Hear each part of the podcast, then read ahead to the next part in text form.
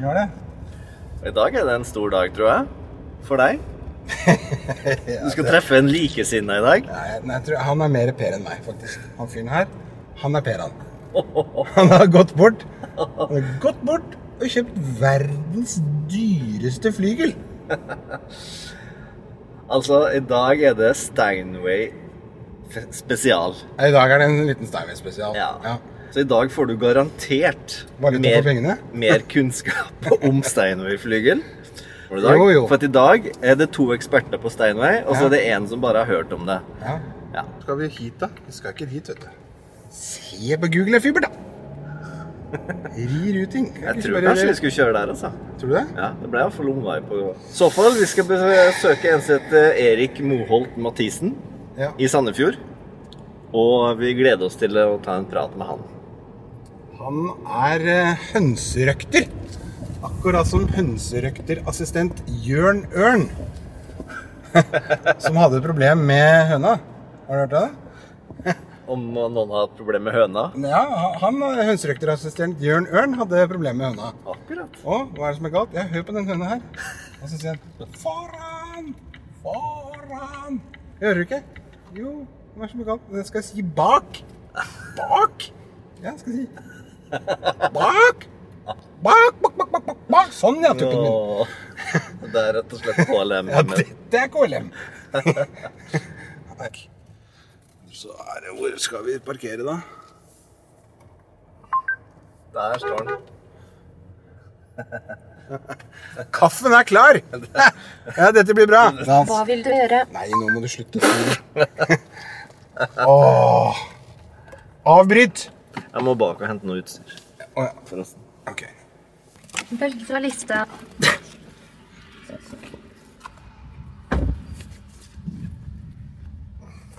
Ja, så fint det var her, da. Ja, det var pensus, ja. Hjertelig velkommen. Tusen hjertelig takk. Vi kom inn i medvindlanding. Jeg har satt opp pølse for dere. men altså, Ja, du har satt av vindpølsa, ja? Ja. Ja. Nei da, vi hadde fallskjermfesten her i helga, vet du, så da Ja, for vi må jo Jeg må jo se oppkjørselen. Du må se oppkjørselen, Jeg må se at det ikke er photoshoppa, liksom. Ja, du må se det. Jeg må, jeg må se Ja, at det ja, du skal, er ja, du skal få lov til å bli med. Jeg må liksom ha en sånn derre Skjønner du, eller? Selfie Ja, foran deg. ja, det skal jeg ha selfie, altså. Ja, du har jo et, nye profilbildet. Ja, ja, ja. det var et funn å finne deg som eh, har vel så stor interesse, eller vet ikke hvem som har størst ja, det, interesse det får vi finne ut, da. Ja. Det, det Nei da, det Spiller du mye, eller? spiller li, mindre enn jeg har lyst til. Jeg også. Men... Fordi... Så det, her er hønsehuset mitt, da. Her er hønsehuset. Med ba- høna bar. Han har egen bar, Morten. Ja, så Det er jo det er selskapslokale her. Altså det er jo skjenkebevilling og, og fullt kjøkken. Ja. Vil du ha luftforsvarer? Ja, vil jeg gjerne ha det. Du er Steinar? Ja, takk. Eh, nei, nå fikk jeg sånn valgets kval. Ja, det var liksom Både Luftforsvaret og Steinveig? Steinway. Ja, du kan få begge, du. Nei, det holder med én.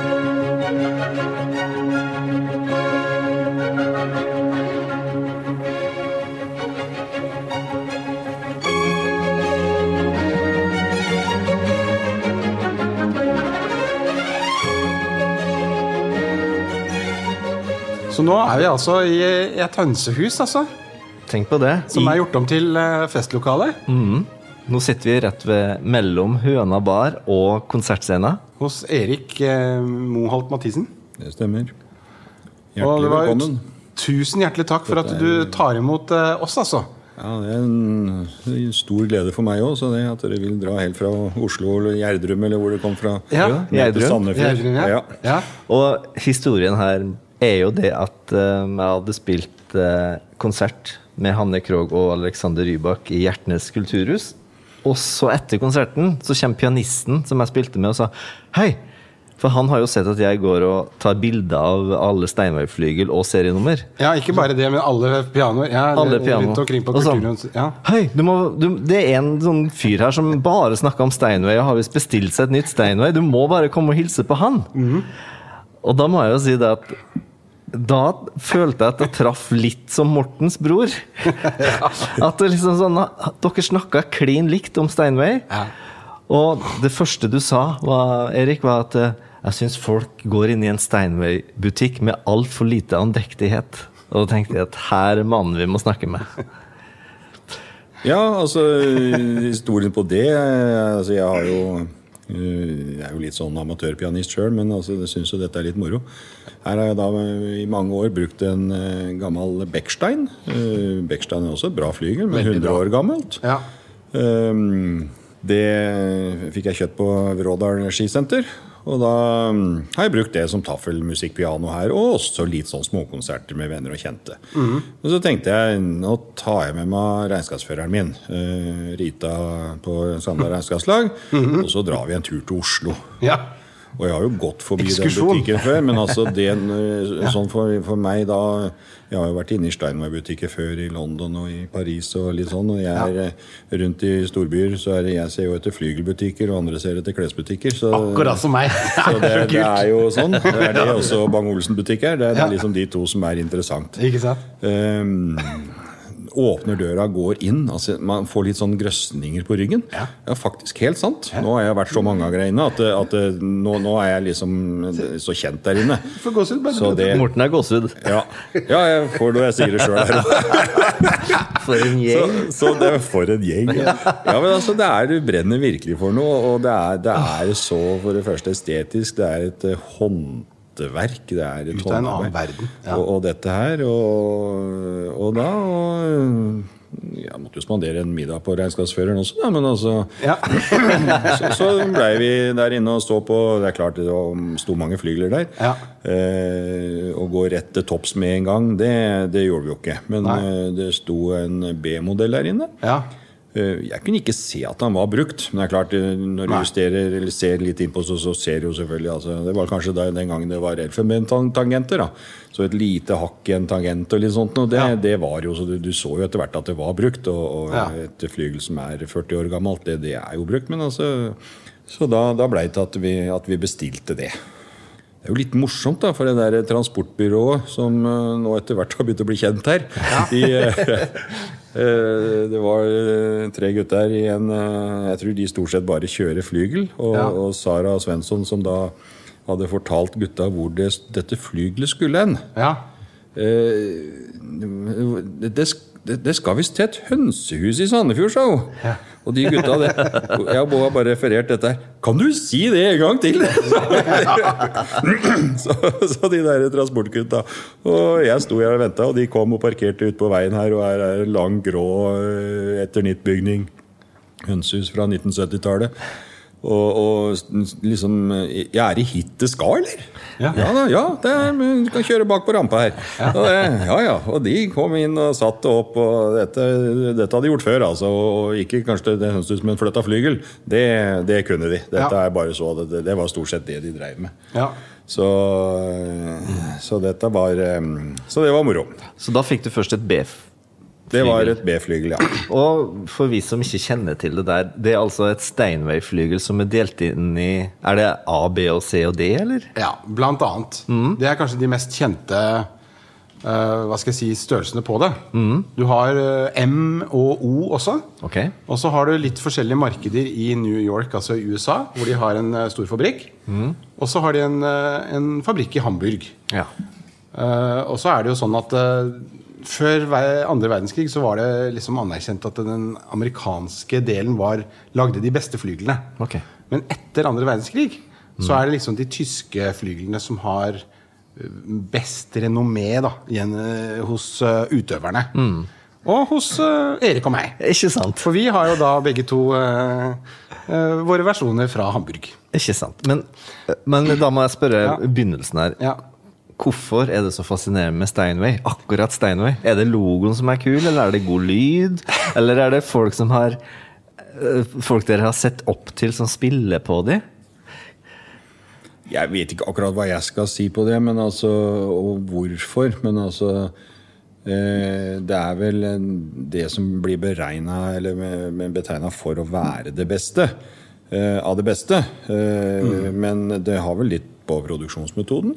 Altså, dette er jo stort sett håndarbeid fra mm. ende til annen. Eh, og det kan vi komme litt tilbake til. Ja, det må vi. mitt eh, fabrikkbesøk, som du også da har vært. Ja. Så, eh, så det, det er jo Da, da er det, det er kunst. Det er, det er et håndverk. Mm. Det er bra flygler, de andre òg, og for all del. Eh, Ja. Yama-flygelet mitt er jo et eh, fantastisk flott flygel. Men altså, jeg hører jo veldig forskjell på de når jeg nå har det i samme rom.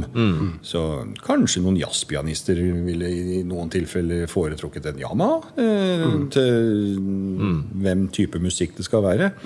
Det er jo bare en amatørpianist sjøl, men jeg har jo nå vært i kontakt med og også hatt her veldig mange store og utrolig gode pianister.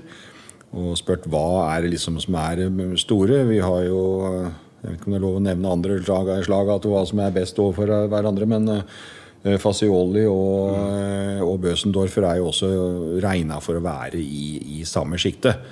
Men eh, det er vel sagt at når det, når det virkelig gjelder, da, da, er, det, da er det bare Steinberg som, Ja. som teller. Altså. Okay. Og det er vel grunnen til at det også er på 90 av alle, alle konsertsaler i, i hele verden. Ja, Det er nok den allsidigheten. Eh, sånn som Oscar Petersen han valgte å spille Bøsendorf. Mange jazzpianister elsker det. Og så har du eh, liksom eh, Jeg tror eh, For min del så har det vært den fascinasjonen av at når du har sett på et konsertopptak, så har det alltid vært et Steinway-flygel der. Eh, og på de største modellene, på C- og D-modellen, så er det jo ofte har det alt, veldig ofte vært en logo på siden. Og flygelet står jo veldig ofte vendt ut på den måten det gjør her. Og det er ikke tilfeldig. Det er fordi at lyden blir samlet i denne kurven, og så blir den så Hvis man skal sitte best på en konsert, på en klaverkonsert, så bør man egentlig sitte slik at man ser Altså, man bør sitte sånn at man ser bort skrått på pianisten. Ikke sånn at man ser klaviaturet, men at man, for da får man best lyd. da Ja. For lyden går liksom skrått ut sånn. Går Så opp i lokket, som da er grunnen til at blankpolert, er jo at det vil jo da eh, rett og slett eh, speile, speile lyden videre. Ja. At det, Ikke sant? det slår i lokket og videre utover. Ja. Sjøl er jeg veldig glad i å se uh, tangentene, da, for jeg, jeg Ja. liker å se fingrene på pianisten. Ja. Så, men uh, det er, det er, det er hva jeg Der er vi se, også helt er like, for jeg setter meg alltid Ja. der sånn at jeg ser han. Og så får er- heller lyden Jeg får heller gå litt uh, Tredje rad, plass eh, 4-25. Det er da litt til venstre for midten. Ikke Ja. sant? Ja, der er det Da fikk du et B-flygel, men eh, hvor lenge sto det her før du følte at nå var på tide å få sett nytt? Ja. Ja, det, det sto nøyaktig et år. Eh, Du var liksom trefotsyken, Ja, det er trefotsyken. Ja, og så nå har jeg heldigvis fått solgt båten min, som jeg ikke hadde tid til å bruke. Ja, du og har så funka, ja, funka, svært lite, så, så Tok den metaforen der. Ja, det, det, ja, ja, selvfølgelig. Jeg hadde oppi 30 fots båt etter hvert òg, jeg. Men eh, Ikke nå, sant? nå, nå er det den trefotsyken og de eh, Ja, altså det første, da var vi jo på B, da, og så sto det jo en eh, C-modell, en ny C-modell, men som da også selvfølgelig har vært litt demo inne i Steinway, eller Oslo Steinway Gallery, er det det heter, Ja. i, der inne. Så, og da bytta jeg til den. Ja. Jeg hadde i kontrakt at jeg fikk det samme igjen for den B-modellen jeg kjøpte. Den brukte, Hvis jeg bytta til C eller D Ja. innen ti år den gangen. Da. Men det, det, det gikk ett år, da. Så da, da bytta jeg til den. eh. Og da snakker vi samme C-modell som du har, Morten. ja, en C er en C. Ja. 227. 227. Og, og kalles et eh, lite konsertflygel eller semikonsert, litt avhengig av hvem du prater med. Ja. Veldig sånn gunstig, litt mindre lokaler, kanskje. Eh, Trond, eh, som er pianostemmeren min, han syns jo det er altfor stort i en liten stue. Eller det står ikke en stue engang, det står en kjellerstue. Men eh, sånn er det. Det er jo size matters. Er vi Ja, ikke enige om det, Erik? Ja, men det passer fint på vestlig Edrum, det. I en stue. Ja, ja. Men, og da det C-instrumentet, det sto her noen år, da. Ja, det var vel fra ja, litt over to år. Da. Eller det har jo da stått Det ble jo nå bytta forrige uke, da. ja. Og da hadde det vel vært ca. to og et halvt år. Det, det tror jeg også kom i romjula, faktisk. Akkurat i, etter et år. Jeg hadde jo ikke altså Skal jeg ta hvorfor, åssen plutselig dette kom i gang? Ja. Altså, det vil du høre. Ja, altså det er jo litt morsomme historier. Altså det Jeg skulle inn til Gardermoen, eller eh, Dal inne ved Gardermoen og hente kalvelever. ja. Og det var egentlig bakgrunnen for at det, det flygelet står her. Så det er vel den dyreste kalvelevera jeg noensinne har henta. Er det mat til hønsen, eller? Nei da, jeg, jeg har jo gårdsbutikk her, og så driver jeg Ja. og selger kalvekjøtt. Ja. uh, fra en uh, eggeprodusentkollega i Sande. Ja. Hans Åsnes han har også kalvekjøtt. Og, og dette er jo langtidsmørna kjøtt. Det skal uh, henge i langt over tre uker, Uh, så det er jo utrolig fin kvalitet. Men levra kan jo ikke henge så lenge. Og eh, jeg har da lagd noe leverpostei et par runder, og som også har blitt populært. så derfor måtte jeg kjøre, når den- dagen de ble slakta, så kjørte jeg inn for å hente det. Og så er jeg jo såpass at når jeg er i Oslo Jeg hadde jo ikke vært i Oslo på et år pga. koronaen. Ja. Men eh, hver gang jeg har vært i Oslo, så har jeg jo da vært innom eh, Gisle og Sara med et brett egg og litt eh, Og så er jeg blitt kjent for karamellpudding, da. Som vi ja. lager til selskapene her. Så, Ja, så karamellpudding er jeg blitt kjent for. Så jeg måtte jo selvfølgelig innom de og ha med litt hadde jo ikke vært der på et år, som sagt, så jeg svinga innom jeg hadde jo ikke egentlig tenkt jeg skulle prate så mye med dem. jeg hadde bare tenkt å høre om de var der. Men jeg skulle ringe inn, men så gikk jo den på en svarer. Og så ringte jo da Gisle, butikksjefen, meg opp igjen, for han så jo jeg hadde ringt. Og så spurte jeg liksom ja, akkurat åssen D-modellen sto i nå, men altså den stiger jo 70 000-80 000 i året. Så, og så vi begynte å prate, så hvis jeg, hvis jeg hadde egentlig tanke på å bytte dette her, så, så burde jeg jo egentlig ikke bevente noe særlig lenger. Så selv om jeg får det samme igjen for det andre, så, så dette, den der turen der, den blei dyr. Ei uke etterpå signerte kontrakta på, på det flygelet, da. Og øh, så var jo planen ja, klart når det, det sto jo en D-modell i butikken. Eh, Den kunne jeg ha fått noe rimeligere. Men altså, når du går til det høyeste skrittet innen flygelverden du kan gjøre, Ja. da skal jeg ha full pakke. ja. Og da vil du gjerne dra Da ned og ta det ut selv. Da skulle ned til, ned til Hamburg og, og ta ut dette her. Men eh, da, da er det og når vi snakker om at du får grøsninger på ryggen når du går inn i Oslo Steinberg galleri, kan man da tenke åssen det er å gå inn i fabrikken i Hamburg, hele produksjonen, og inn i prøverommet, du har jo vært der, Morten, inn i prøverommet hvor det står, ja, det var åtte stykker av den modellen. Det var eh, fem-seks stykker Spiro av den, og så var det jo en mengde med C og B. Ja, det sto. Spiro der også, Ja, ja. det er Spiro. Men ja. jeg vil jo ha den som er helt, eh, helt rein, da. Ja. Så da kan man snakke om grøsninger på ryggen, da. Jeg var Ja, faktisk amen. nesten litt tåreredd da jeg sto ved siden av det skiltet nede i Hellig stund, det, altså. Veldig velkomstskiltet der nede, hvor det sto 'Welcome to det'. Så, så da var det også var jeg så heldig da å få med Håkon Austbø, Mhm. professor, og kanskje en av de store som har vært i landet, mm -hmm. til å være med og velge det ut. ja. Fantastisk. Og øh, min gamle pianolærer Bjørn Olav Olsen Han øh, fikk jo også masa på Sameda, selvfølgelig. Ja, var det han som masta på deg? Ja, Ja, han ville jo være med. gjorde det, ja. Altså, Nei da, jeg hadde, skal- jeg hadde invitert den med uansett. Det er Ja, ikke vi skal noe- vel innrømme Morten, at vi gikk og spurte på Skal vi spørre, eller skal vi sende en tekstmelding? Eller Ja. hvor frekk men, går det an å øh, være? Så invitasjonen min, vel? Kanskje du vil være med? Ja. Jeg mente jo det. Ja da, du sendte den. Ja, ja. Så det Nei, altså, det hadde jo bare vært kjempemoro. Så det, men det Men kan vi ikke, liksom kan vi ikke ta oss en tur til Det må da kunne gå an å dra dit? Nei. De, de gjør ikke det? Nei, du må kjøpe flygel, Ja, men Du okay, ok, men nå har vi en deal. Vi må Ja. oppsøke folk som skal ned dit, og så må vi bare smiske oss inn. ja, men Dette er jo ikke noe sånn som man driver og gjør uh, hver uke. Altså det, det skjønner på verdensbasis så, så lager de jo bare noen få hundre flygler. Altså det, Mm. Det, det tar jo 12-13-14 måneder å lage et sånt flygel. Ja, tar, hele prosessen tar vel eh, tre år. Fordi to ja. år ligger tømmeret Ja. uh, til tørking i et uh, naturlig tørking. Altså et uh, uthus som er åpning i veggene. Mm. Så det er naturlig tørking. Og så var det vel fire uker inne i et rom for en siste finjusteringa i tørkinga. Mm. Og så var det litt godt og vel et år til i prosessen da for å bygge det. Mm. Jeg tror de bygger 250 i året av D-modellen. Og det er liksom til hele verden unntatt USA, da, for mm. New York leverer vel stort sett til USA, vel. Ja. Så, men det, det finnes selvfølgelig folk i landet som eh, Men det er jo stort sett institusjoner som gjør dette. Det er jo uhyre få privatpersoner som har et så stort flygel. Ja. Uh, før jeg traff Erik, uh, for jeg vil jo kalle deg privatperson Ja, Eh, altså det, Dette er jo på firmaet mitt, da, på. Furuegg, på selskapslokalet og sånn, men Ja. altså, firmaet er jo 100 mitt. Og det, det? er, så det, og det var vel sånn jeg kunne klare å få det til også. Ja, jeg Så- Men det er prioriteringer.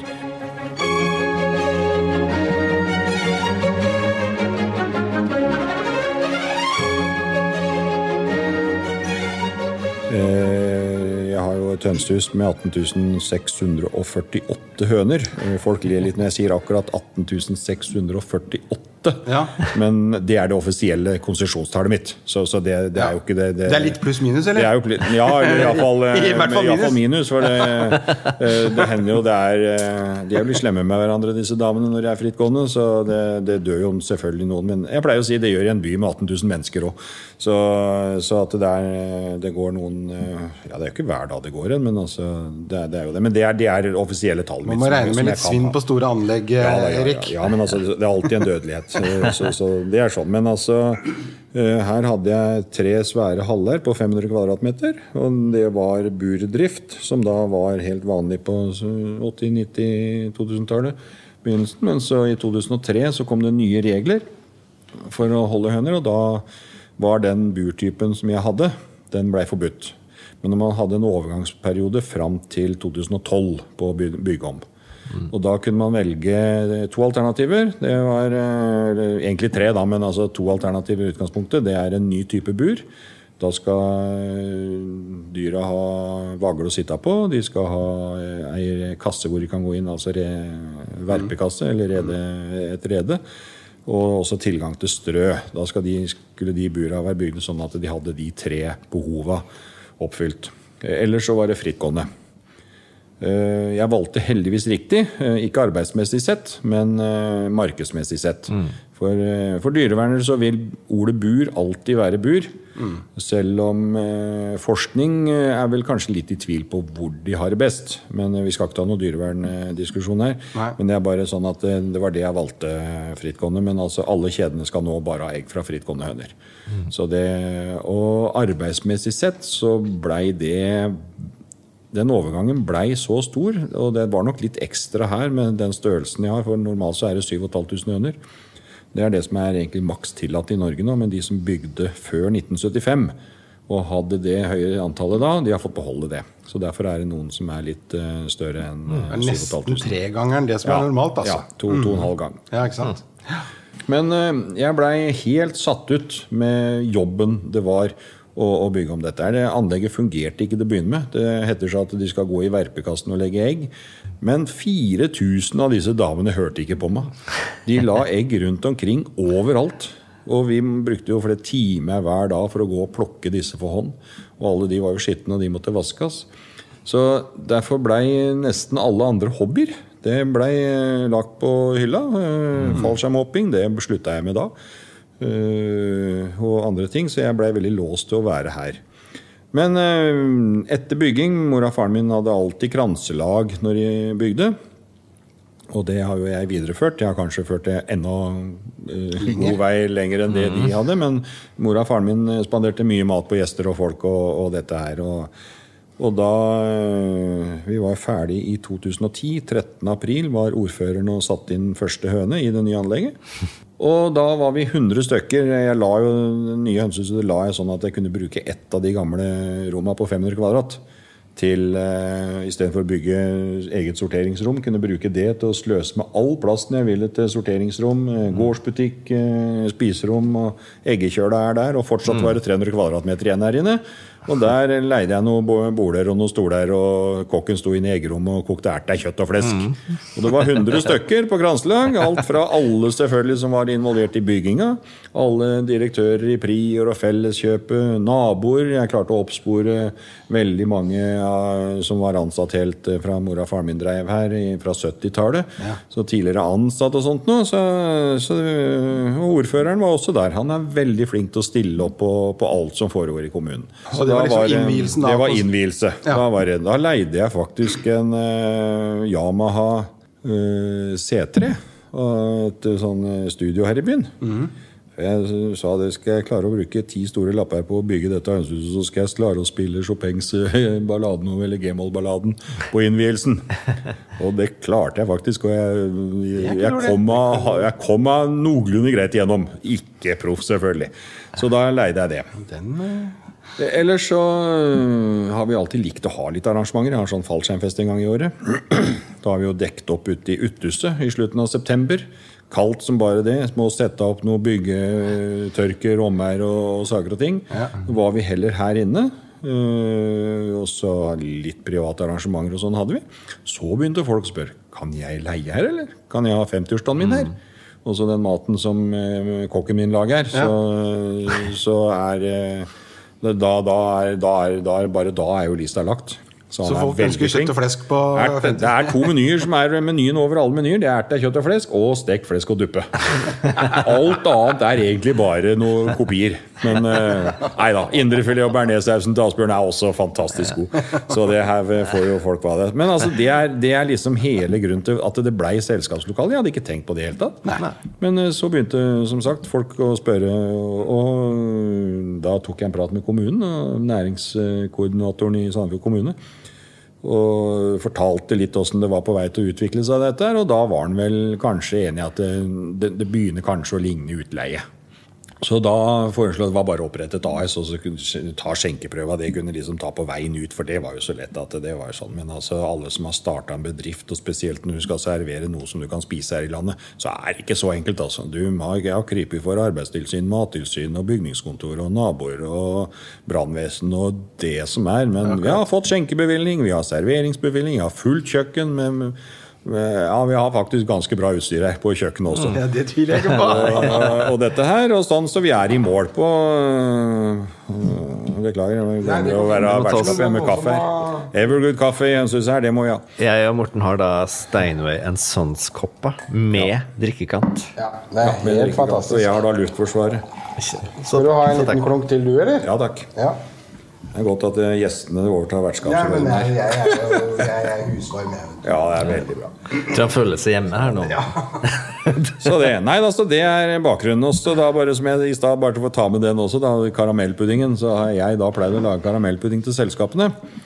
Og øh, så begynte også gjester her på selskapet å spørre Å, kan ikke du begynne å selge den i gårdsbutikken. da? Den var såpass god, ja. Ja, jeg hadde jo ikke tenkt på det, jeg, men uh, som det andre. Men Ja, ja, får jo begynne med det, da. Uh, siden har jeg stått og lagd karamellpudding. Og det er utrolig moro når du lager et produkt og så det blir så populært. Ja. Så første jula, når dette begynte å ta av på bestillinger, vet du Det er også litt morsom. Så det, da, hadde ikke, da hadde jeg bare en halv kombidamper, altså de store proffkjøkkenomannene. Og jeg sto og smelta sukker i en kjele, og dette her. Og bestillinger, bestillinger og bestillinger kom. Så fem dager, de siste fem dagene før jul, når jeg begynte med dette her, da holdt jeg på fra fem om morgenen til ett-to om natta. Oi. Så når julaften kom klokka tolv, og vi stengte gårdsbutikken her da, så klart jeg hadde jo noen til overs. Så har vi Herreshus her i byen. Det er de som har eh, sånn middag for eh, veldedighet. da. Ja, ja, ja, for uteliggere og vanskeligstilte og sånn. Ja, ja. Så tenkte jeg nå eh, stikker jeg ned og så spør jeg, donerer jeg resten til de. Du tok ikke det sjøl da til eh, Nei, da er det riskrem til oss. Men jeg kjørte ned, men altså det som er litt morsomt, da, det er mulig at etter de fem dagene med den arbeidstida, så så jeg nok litt sliten ut. Fordi når jeg kom og ringte på og spurte er det her og har sånn veldedighetsmiddag Ja, men vi åpner ikke før tre!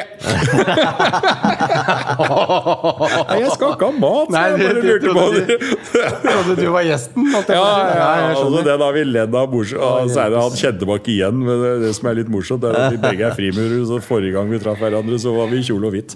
Så nei, det- vi bare holdt på å knekke av latter. men han kje- Så det, det ble litt morsomt akkurat det. Nei da, men det er jo utrolig moro når du lager et produkt at, ja, Det er helt at uh, Det er sånn, er det mulig å gå innom gårdsbutikken og ta en handling etterpå, eller har du flere? ja, ja, ja. Altså, jeg må jo kjøpe en sånn til helga. Ja, altså. ja, ja. Så Den eh, leverposteien din den hørtes eh, artig ut. ja det den er jeg jo tom for nå, så da ja, er neste, tom, ja. neste slakting er i eh, oktober.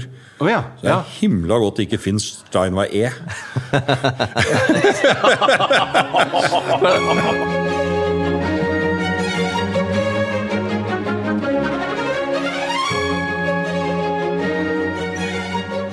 Apropos Steinvei, det altså, du, Vi trenger ikke nevne noe pris, men vi kan vel nevne at det er i øverste prisklasse for et instrument. I hvert fall for et flygel. ja. Det fins jo fioliner for eksempel, som er, eh, og celloer som er mye mye dyrere enn Mm. dette. Men du, du Jeg vet ikke. Det er vel kanskje Jeg vet ikke om Faziolin er dyrere? For Jo, er jeg, jeg lurer på Jeg, har, jeg, jeg vet ikke hva fasioli koster, men det var noen som sa at de skulle bare ligge over. At de hadde bare bestemt at det skulle ligge over. Ja, for, Så, For så den er litt det- større òg? Mm. Altså, alle kan vel bare google sikkert hva et flygel koster. Ja. Så øh, Men det er øvre sjikt. Men det er de der fire som vi snakka om. ikke sant? Bøsendorfer, Beckstein, Fazioli og Steinway. De er på en måte veldig like i i prisklassen der. Men det er klart at det, Og det er mange som tenker eh, sånn som vi har eh, opplevd også, når vi har vært ute og, og snakket med folk om hva dette koster, så er det ikke bestandig at folk har noen peiling på det. Veldig mange utenforstående tror at et godt piano eller et flygel er liksom 40 000-50 000. Ja. Og de syns at det er forferdelig dyrt. Men vi må nok eh, litt lenger opp, da. Men så hører du jo her at du bruker mange år på det. Ja. Så det er jo som alt annet som man bruker mye tid på. Ja, det er en enorm fagkunnskap eh, som er eh, overført via generasjoner eh, der nede, på både i New York og i Hamburg. Og denne materialutvelgelsen og all den måten det blir gjort på, sånt, det, er, det er ingenting som er gjort til, eller overlatt til tilfeldighetene. Og det er litt av det der også som fascinerte meg ekstremt da, da jeg var så heldig å få være med. For jeg, jeg har jo ikke kjøpt noe nytt flygel, sånn som deg. Men jeg var heldig, eller jeg er heldig som er god kompis med uh, den ene konsertstemmeren i Norge som heter Trond, Trond Nirby. Og han har stemt hos oss i, i 30 år, så jeg kjenner han er nesten som en sånn far for meg. Eh, og han drev med salg av dette før uh, Gisle Daus kom inn. Ja vel. Ja. Så da var det, det var kun han som drev med det, så det på privat basis. Og før han pensjonerte seg, så inviterte jeg meg selv, faktisk. Jeg var sånn som han pianolæreren din. Ja, ja. Bjørn Olav, og så sa jeg til Trond at du, nå skal jeg være med til eh, Du har ikke noen sånne utvelgelser snart, da? Jo. Nei, når du sier det, så har jeg vel, så skal jeg vel ned om et par uker. Ja, men da blir jeg med. Og så heiv jeg meg med, og, og fikk være med på det. Eh, Da var det to pianister eh, som var med, og så fikk jeg være bare med som en sånn mm. tredje hjul på vogna. Men, men poenget er å komme ned og så den fagkunnskapen, altså den der, dette håndverksmessige som ligger der, det syns jeg er veldig interessant. For jeg savner jo litt dette her i, i dagens samfunn, at man er stolt av et håndverk. Eh, alt fra en eh, slakter til en eh, snekker til en eh, smed. Altså, altså alle disse tingene som liksom her, Og her har du alt, da. Eh, så, det var ekstremt fascinerende. Det er vel er det, Var det syv treslag? Ja, minst. Fem eller syv, syv treslag? Ja. Eh, bare vet at eh, det treslaget de bruker i klangbunn, tror jeg det var, det var eh, 18 000 euro for kubikken. Og så kunne de bruke ca. halvparten av det. Nei. Så da i realiteten så er det 36 000 euro for kubikken av akkurat det treverket. Ellers så var det jo uh, mahogni der nede. Du, jeg så den, Ja. den båndplata av et, et svært tre. Det var nesten like stor som en person. Jeg har bilde av det. På, kan Ja. se på etterpå. Og da, Du klarer ikke å telle årringene der, altså. Nei. Der var det tett. Ja, så det Men, men klangen i utvelgelsen, hørte du Hvor mange D-flygel var det dere prøvde? Eh, Vi hadde åtte, Åtte, eh, men egentlig var det syv eh, flygel som var valgbare. Fordi det var ett eh, flygel eh, Jeg er ikke så inne i det tekniske, jeg, men det var ett flygel som hadde litt andre dempere. Og det var egentlig litt eh, forsøk. eh, Kanskje mest beregna som et studioflygel for opptak. For altså Hvis du bare tar opp og ned dempepedalen, så får du sånn liten suselyd i, eh, i strengene mm. av Ja. demperne. Ja. Så den var en helt annen type dempere. Oh, ja. At du, du fikk ikke den suselyden som kanskje kan høres på opptak. Så, så den, den var ikke med i utvalget, men han var med på prøvelista. da. Så, men eh, jeg, jeg ville vel kanskje ikke hatt det om den kanskje var eh, den som Bjørn Olav syns var blant de beste, men eh, den hadde krevd mye mer vedlikehold. Men når dere kom inn i det rommet, hvordan begynte dere? Begynte dere bare fra det ene hjørnet, og så jobba Ja, dere? vi hadde jo de åtte flyglene på, på rad, og de sto ved siden av hverandre. Og man begyn- Håkon han begynte i den ene enden, og sånn, og spille litt på det, og så gikk han til neste. Og Da så spilte han det samme stykket, eller? Ja, ja, litt av det samme stykket, men også bare holde tone og høre på hvor lenge toner holder, og, og hvor, hvor lenge de synger, og dette her. Og så tilbake til det første, og så kanskje til neste to-tre, og så tilbake igjen. Og så da begynte han å lokke lokk. For altså når du lokker et lokk, Ja. Da, er det, eh, da er det ute av Ja, ok. eh, Dansen. Av dansen. Ja. Så Hørte du forskjell? Jeg hørte veldig forskjell. Eh, Bjørn Olav sa også at han var overraska over hvor stor forskjell det var. Det er. Jeg er ikke så spesialist at jeg ville klart å si hvilke er det som er det beste. Men jeg hørte tydelig forskjell. Så det, det er jo det er som jeg sier, det er et håndverk. altså Da er det klangen blir forskjellig. Eh, De pusser på hamrene og de pusser på, på demperne og alt dette her. Så, og de sitter vel og fletter de der strengene. Mm. Så, så, det, så, så det er klart det vil bli forskjell. Du baker ei kake, kan gjøre akkurat samme jobben to ganger, og den ser helt lik ut, men det vil sikkert bli litt smaksforskjell på det òg. Så, mm, så, så det, er, det er litt moro å høre de forskjellene. Men ingen av de åtte er dårlige flygler. Nei. Altså, det må bare ha helt klart. Men Erik, tenkte du på hva slags type musikk som skal spilles her? Eller tenkte du allsidig altså, hva, hva, Vi tenker klassisk. noe-. Utgangspunktet her er klassisk. Utgangspunktet er Ja, klassisk. Det er, og det er derfor, derfor vi også valgt en klassisk Type pianist. Schubert, romanser Ja, sånn, jeg er de, jeg er jo mest på de eh, vanlige, altså Chopin-list Liszt, Beethoven, Mozart eh, Ja. og disse her. Ja. Eh, Håkon skal spille Beethoven, Ravel og Chopin når han kommer. For jeg tenker også litt på publikummet mitt. Altså. Her oppe, som jeg har sagt, det er en veldig uformell eh, setting. Ja. Eh, gammelt hønsehus. Eh, Jeg syns jo det har blitt ganske bra etter hvert, men altså, det er flygelet som er i storsetet her, og vi kombinerer alltid konsert med middag. Så det gjennomsnittspublikummet mitt er nok de som er glad i klassisk musikk. Ja. Men de er ikke kanskje de som vil høre liksom. på de, de mest eh, Mest nymoderne eller, eh, eller utfordrende stykkene. Da. Så, så det er tanke, det er, men det er klassisk musikk. Men altså, vi har jazzkonserter, og vi har andre konserter òg. Og Morten Gunnar Larsen, de er jo ragtime. Ja. Eh, Da kan du kanskje høre for deg et gammelt ustemt Beckstein-flygel. Sånne gamle, gamle filmer fra, fra den tid. Men ja. eh, jeg tror Morten også er glad i et uh, Steinway-flygel og, og et nystemt. Men åssen har, har du alltid hatt en musikkinteresse? Ja, eh, jeg begynte jo å spille piano når jeg gikk på barneskolen. Først så tror jeg jeg begynte, på, eller jeg begynte litt med gitar et år, men så var jeg tre ganger den vinteren var jeg hjemme tre uker pga. lungebetennelse. Så jeg kom veldig dårlig i gang på det, og så begynte jeg det var vel fjerde, tredje, fjerde klasse, tror jeg. Så begynte jeg på pianokurs. Hos han kompisen din som heter Bjørn Olav? Eller? Ja, først så gikk jeg hos en eh, var det Akerholt Iversen eller noe sånt. Og så gikk jeg hos en uh, polsken, Norbert Bojanowski. Navnet, han og kona omkom dessverre i trafikkulykke. Så da var det vel egentlig fem års ventetid for å komme inn på musikkskolen. Men pga. den settingen så, så var jeg altså en til som kom rett inn. Mm. Og, og Bjørn Olav Olsen, da, som eh, var fantastisk kar. Og vi har, vi har Men Drev han privatundervisning, han da? eller? Nei, det var på kulturskolen. Ja, altså på kvelden. Ja, på, på musikkskolen på kvelden. Ja.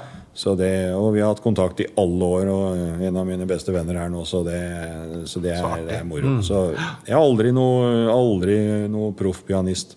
Men jeg har hatt det veldig mye moro. Men, men som sagt, eh, på piano tar det veldig mange år før det begynner å bli gøy. Før du føler at du får til noe. Mm. Du spiller orgel hvor du kan legge til masse lyder og saker og ting, og bare holde noen akkorder, så blir det veldig fort eh, moro. Ja. Men eh, det er jo Det er piano som er grunn, grunnlaget for alt. Og, og dette her. Og etter noen år så løsna det litt. Og så når jeg var i Forsvaret i Kristiansand, tror jeg, da tenkte jeg nå lærer jeg meg litt besifring. Og så, sånn, og så begynner jeg å spille bakgrunnsmusikk til middager. Så jeg har vel spilt sånn tafelmusikk i 5, 6, 7, 8, 20 år. Er himla glad for hvert bryllup jeg ikke blir invitert i. Ja, jeg tror jeg har hørt nok, har hørt nok bryllupstaler. Ute på Jæren, f.eks., når jeg jobba i Stavanger, og da hadde den 13. tanta holdt en eh, holdt, eh, tale på halv time som de tolv andre hadde sagt først. Da uff, ja, Ja, men da, Så du har vært litt utøvende, nesten? Ja da, men eh, som jeg sagt, det å sitte i bakgrunnen og spille tafelmusikk koster meg ingenting. Men det å gå på scenen, altså det skal bli stilt, du går på scenen, og sånn, der er jeg veldig ute av trening. og så er det bare fokus på deg, liksom. Ja. Men, men det, det her har vi snakka om i podkasten før òg, at når jeg traff Morten, så var jo det kicka med han Eller vi kicka så veldig at han var så ekstremt stor musikkelsker. Men jeg har da levd av musikk hele livet, og da blir det en slags sånn der, En jobbesituasjon. Ja. Men så lærte jeg av Morten igjen den der gleden av å bare nyte musikk og Slå over litt Finne igjen følelsene på musikk, da, rett og slett. Så det, og siden jeg er pianist, eller sånn, så, så er det jo selvfølgelig ofte hvis jeg ser på TV eller ser på eh, YouTube Jeg ser veldig mye på YouTube. Og mm, det er klart, eh, det går jo da på piano, og jeg er veldig glad i pianokonserter. Altså piano, ja. med pianist som, eller klaver som eh, solist. Ja. Og det er klart, jeg har vel sett alt av Horovic. Det er vel kanskje den største. Og så er nok Marta Argerich nummer to, tror jeg. Men altså, det er jo veldig mange gode. Men altså, da, da er det noen ganger man får tårer i øynene. Altså. Så det Noen ganger. Jeg syns jeg gjør det hver gjør hver gang. gang. Ja, ja. Skulle jeg være litt sånn Ja, nei. da. Ja, ja, nei. Det skal ikke mye til før Ja, ja, ja. Det er litt sånn derre um, guilty pleasure, det å sitte nede og så ta frem en YouTube. Mm. Jeg er veldig glad i Christian Zimmermann, jeg, da. Som Ja er polsk. Uh, Ja. Veldig, Jeg tror jeg har sett iallfall med eh, Gemal-balladen på, på YouTube. Ja, han er jo veldig stor Chopin-tolker, da. Mm. Og så- så, men man har jo sine Og så kommer man jo, spesielt på YouTube, da, så kommer man over noen sånne nye greier. Mm. Ikke sant? For det er jo en jungel der ute. Det er så mange som er så flinke. Og så er det ekstremt stor forskjell på dem. Og så er det, som jeg også sitter og hører på Jeg, jeg hører veldig stor forskjell på instrumentene. Ja, Altså, det jeg er jo måten, forskjell på pianisten òg. Ja, måten, selvfølgelig. Måten de Ikke sant? Men hvordan er de stemt? Hvordan, og det, det var det god lyd i. Er det Lydmannen har jo også syk, masse å si, ikke sant? Det har jo vi snakka masse om. De har jo Knut Bjørnar var hjemme hos meg for en del år siden og liksom skulle Du, jeg må bare teste ut noe.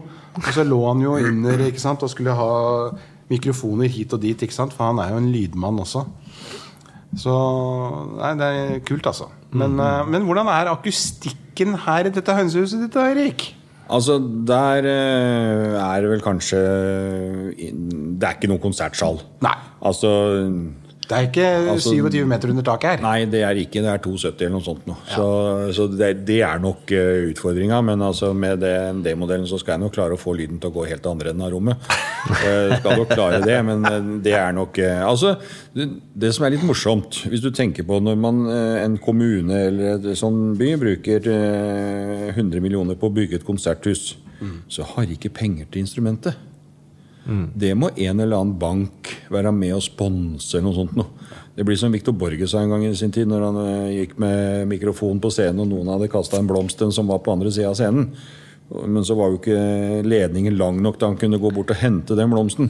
Men han sa det at eh, det må jo ha kosta en formue å bygge denne salen her. For 50 cent more så hadde jeg kunnet gått helt over dit. Men altså, altså det, det er ofte sånn eh, at eh, Nei, det instrumentet Jeg er helt stikk motsatt. Jeg har toppinstrumentet, og så, og så får bygget være som det er. Ja. ja. er- Jeg syns du begynner i helt riktig ende. Det er god, hold, god holdning. Ja. Men det er sånn, Fantastisk. Spesielt når det ikke er musikere som skal lage dette her. Så tenker jeg nei, det, det, det, er, det, det er ikke så viktig. Men det er fascinerende, liksom og- med, med bygget. Men en var det Dag Henrik, en kamerat av meg, musiker, sa hvis, hvis man hadde bygd det sånn, også, hadde man- ikke satt dører på toalettet. Da hadde man få, straks fått en liten ekstrabevilgning. Men å få penger til, til flygelet, der, der, må, der må de jobbe. Ja.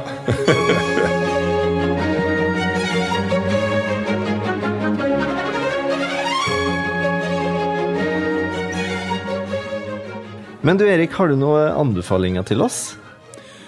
Jeg har vel nevnt at en av mine største, kanskje den største, er eh, Horovic. Eh, Det, det er jo en person som av mange kanskje regnes som å være den største. Han hadde perioder med problemer i livet sitt, både psykisk og, og begynte å bomme litt når han spilte og dette her, og var vekk eh, noen år.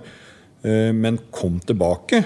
Ellers så er det også en, eh, et program som har gått på TV. Det har sikkert gått noen ganger, og jeg har sett det på YouTube, men den gikk på hovedscenen her nå i vinter, og da var det vel sånn legendariske eh, samlinger som, av de som virkelig er store, og det er Horovic eh, i Moskva. Ja. Han dro jo alltid med seg Han spilte jo bare på sitt eget Ja. flygel. Ja. Så såpass, ja. Ja, ja. ja da, så han hadde det med. Det, eh, Han var vel eh, i eksil. Han var vel eh, var det Ukraina han var fra, tror jeg. Eh, Ja, men han hadde jo jødisk opprinnelse, ja. ja. Men eh, han var jo sikker på at når han kom tilbake til Hvis han kom tilbake til, til Moskva, eller til Russland, så, eller Sovjet, så ville han bli arrestert. Men da Gorbatsjov og Reagan hadde møte på Island, Ja. da øyna håpet seg. Ja. Og øh, det var liksom Ringen var slutta når han fikk komme til Moskva og øh, holde den konserten. Og øh, Reagan sa skulle ta spesialstyrken i USA og skulle eskortere det flygelet. Og få det trygt fram.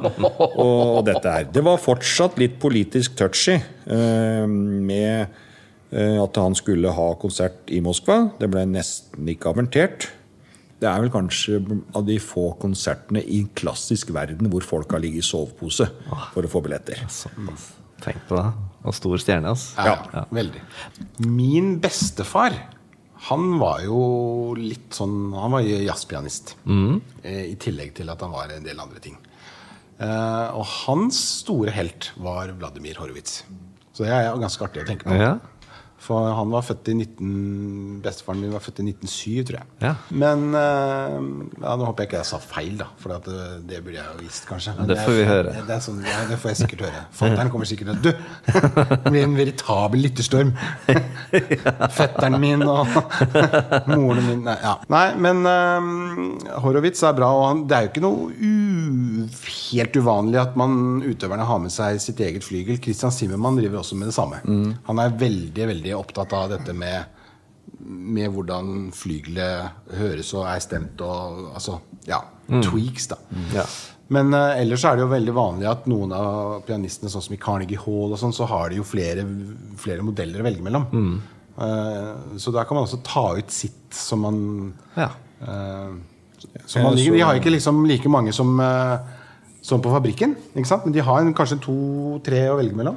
Ja, jeg så på en konsert eh, fra Cleburn, eller en konkurranse. Ja, ja, ja. ja, ja. Eh, Men har du sett ja, ja. han uh, unge japanske pianisten som er blind? Ja, absolutt. Der vant jo han. Ja. Og da vet jeg, da hadde de tre flygler å velge mellom. Ja. De hadde en halvtime på å velge ut hvilke de skulle bruke i konkurransen. Så Det sier jo at det er, for, det er jo nyanseforskjeller på, på disse flyglene. Ja. Mm. Og så kommer det liksom kanskje an på hva som er hoved Uh, Altså hva slags type musikk. Ikke sant? Er det Bach, eller er det Beethoven, eller er det. Liszt? Eller, ikke sant? Sånne ting. Litt forskjellige nyanser. Hvis vi skal snakke om uh, et musikkstykke, hvis du noen gang skal ha, ha liksom fått en stor opplevelse, så Rachmaninoff er jo en av de store og mine helter. Amen. Og da er det jo Rakhmaninov eh, pianokonsert nummer to Yes. som har vært mest spilt gjennom alle tidene. Men så kom det en film som heter Shine. Ja. Eh, David Helfgott, Ja. som var en eh, meget dyktig eh, ung pianist, men eh, faren pressa han vel så hardt eh, på å skulle spille eh, nummer tre, som uh, kanskje ikke var så mye spilt før den filmen gikk. Eh, det er vel kanskje regna for å være noe av det største du, verket som du skal spille. Det var Hansen sa da. Det mange tenker på at det er, det er et stort dyr som skal nedkjempes. Og, eh, og David Helfgott han kom jo gjennom på konserten med den, men så ble han sjuk, eller han, eh, han, han eh, signa om. Og havna vel på Institusjon. på institusjon i om 20-30 år eller noe sånt. Nå. Og det var da den filmen blei Rakhmaninov tredje pianokonsert. Eh, veldig kjent. Og, og den eh, Jeg vet ikke hvor mange hundre ganger jeg nå har hørt den. Og da tenkte jeg, den tenkte jeg på når jeg sto nede i Barcelona, i eh, den svære kirken her nede, Ja. Familie Sagrada, det heter noe sånt nå. Mm. Og jeg står der inne og, og kikker på det byggverket. Og, og, og lurer faktisk da, da kan du faktisk lure om det er en der oppe som har noe med finger med i spillet. For at du skal kunne klare å lage det bygget der Da tenkte jeg på Rach 3. At det er en ting er å spille, men altså det å kunne klare å altså jeg, På en eller annen måte så bare datt disse to sammenligningene sammenligningene inn. At det, at det faktisk er mulig å lage. Altså Ansnes har, eh, har vel kanskje nedjustert den litt, at det, det er overkommelig. Men altså For han, altså, ja. ja, for han, men altså for, de, for mange. Men altså, det, er, det er masse noter, og det er, masse, det er, er vanskelig. Og så da hørte jeg med, på en sommerkonsert med Berlinfilharmonikerne med er Jeffin Brumfmann, eller åssen det uttales, som eh, ja, på den ute, svær utescene i- Berlin spiller. ja. Det var vel nummeret før å knuse de, de tangentene. Men eh, Steinway holder det òg, skjønner du. Så det, da, da han Rach 3. Og den, den er jeg også blitt fascinert av. Utrolig fascinert. Så det Yes. Men det er jo masse flott musikk. Nå tar vi liksom akkurat de, noe av de som er størst. Men, altså, det, Ja, men det er hyggelig å høre. veldig mye fint. Det det bør ikke gå lenger enn til Grieg Samuel-konsert. Det er noe av det vakreste som er skrevet.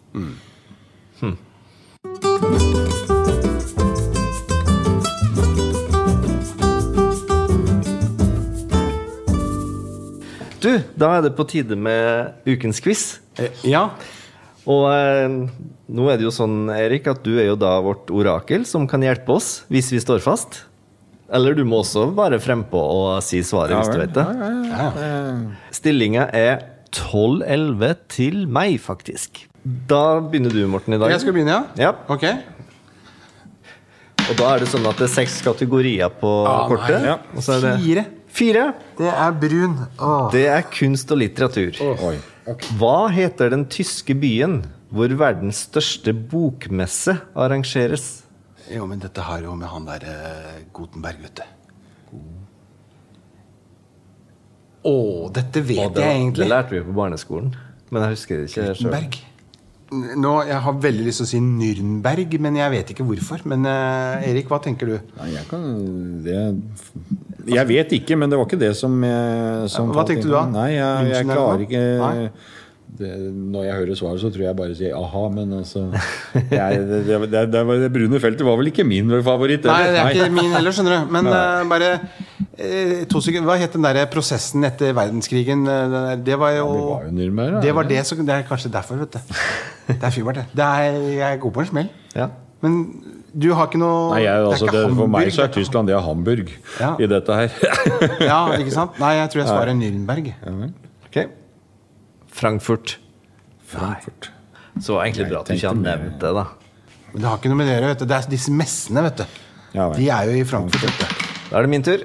Å, fire. Ja, da blir det brun igjen, da. Yep. Hvilken kvartett av Johan Falkberget er boka Ann Margrit en del av? Det er en kvartett av bøker, da, sikkert. Ja, ja. Eh, som det Som boka Ann Margrit Ja. er en del av. Men eh, du, jeg sier pass.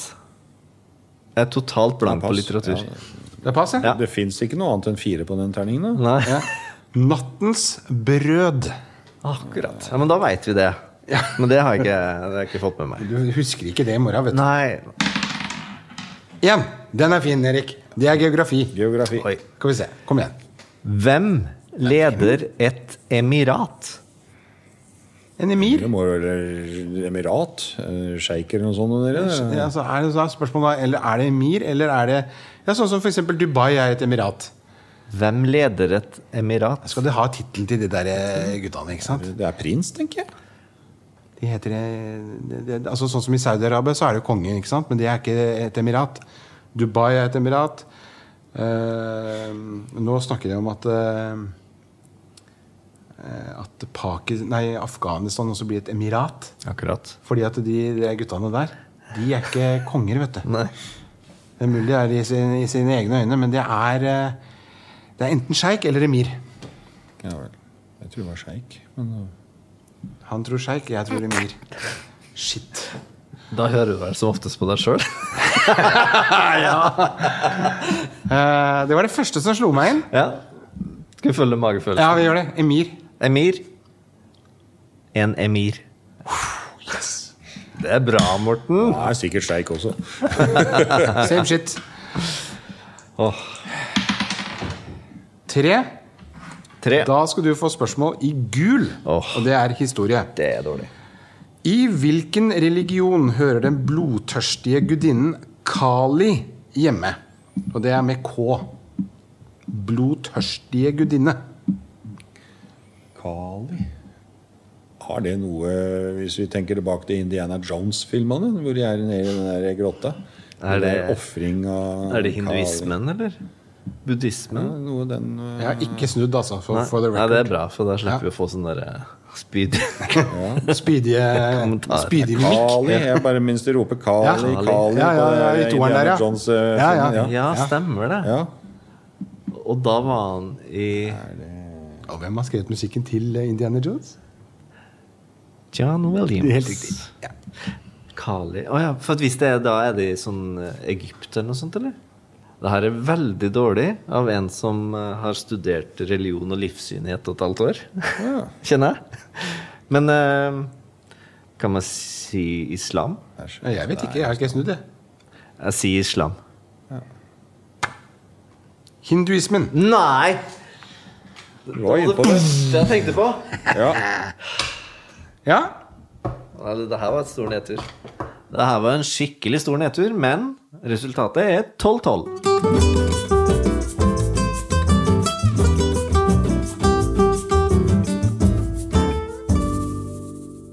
Da har vi fått eh, anbefaling òg, da. Da, har vi, da er vi stort sett i mål. Da. Da har vi gått gjennom det meste. Nå må vi snart begynne å se med fingrene. Du, Nå gleder jeg meg til å høre litt eh, klaverlyd. Altså. ja. Morten, vær så god. Foliet er ditt. Men ellers så vil jeg Men eh, vi må jo si eh, tusen takk, Erik, for å ha tatt imot oss. Ja, og jeg må si tusen takk for at dere kommer hit. Eh, Det er stor opplevelse for meg å, å treffe folk også som er litt lidenskapelige på Nei, dette. Du vet ikke hvor stort dette er. Dette her er, dette er stort, altså. Ja, men Å treffe en som er så lik Morten, det trodde jeg faktisk ikke jeg skulle treffe. Så det her er jo helt unikt. Forsvaret begge to. Han er flyver. Jeg har pleid å hoppe ut av flya. Ja. Jeg har 600 opp i fallskjerm, så jeg, jeg har vel 600 flere takeoffer enn landinger. Men eh, Ikke sant? ja. Yes. Og masse felles eh, Masse kjente fra Forsvaret og andre ting, tenker jeg. Så det, det var det, det Veldig artig. Mm. Og her snakker vi altså om en som har Steinway-logoen Ja. i oppkjørselen. Og ikke minst, det skal vi gå og se på. Der skal jeg love dere, folkens, at der skal dere få et bilde. Det skal vi ha bilde av. For det, Ja, det tror jeg ikke noe på. Nei, nei. Vi Jeg får, vi får opp og se, da, vet du. Oi, oi, oi, det er julaften. Nå tror jeg jeg har plassen. Jeg har ikke tatt av plassen på pedalene ennå. så- det får jeg ta når Håkon kommer. Det er som jeg sier, logoen er større enn min. Altså. Den, den er blitt veldig fin, men den er litt større. Altså.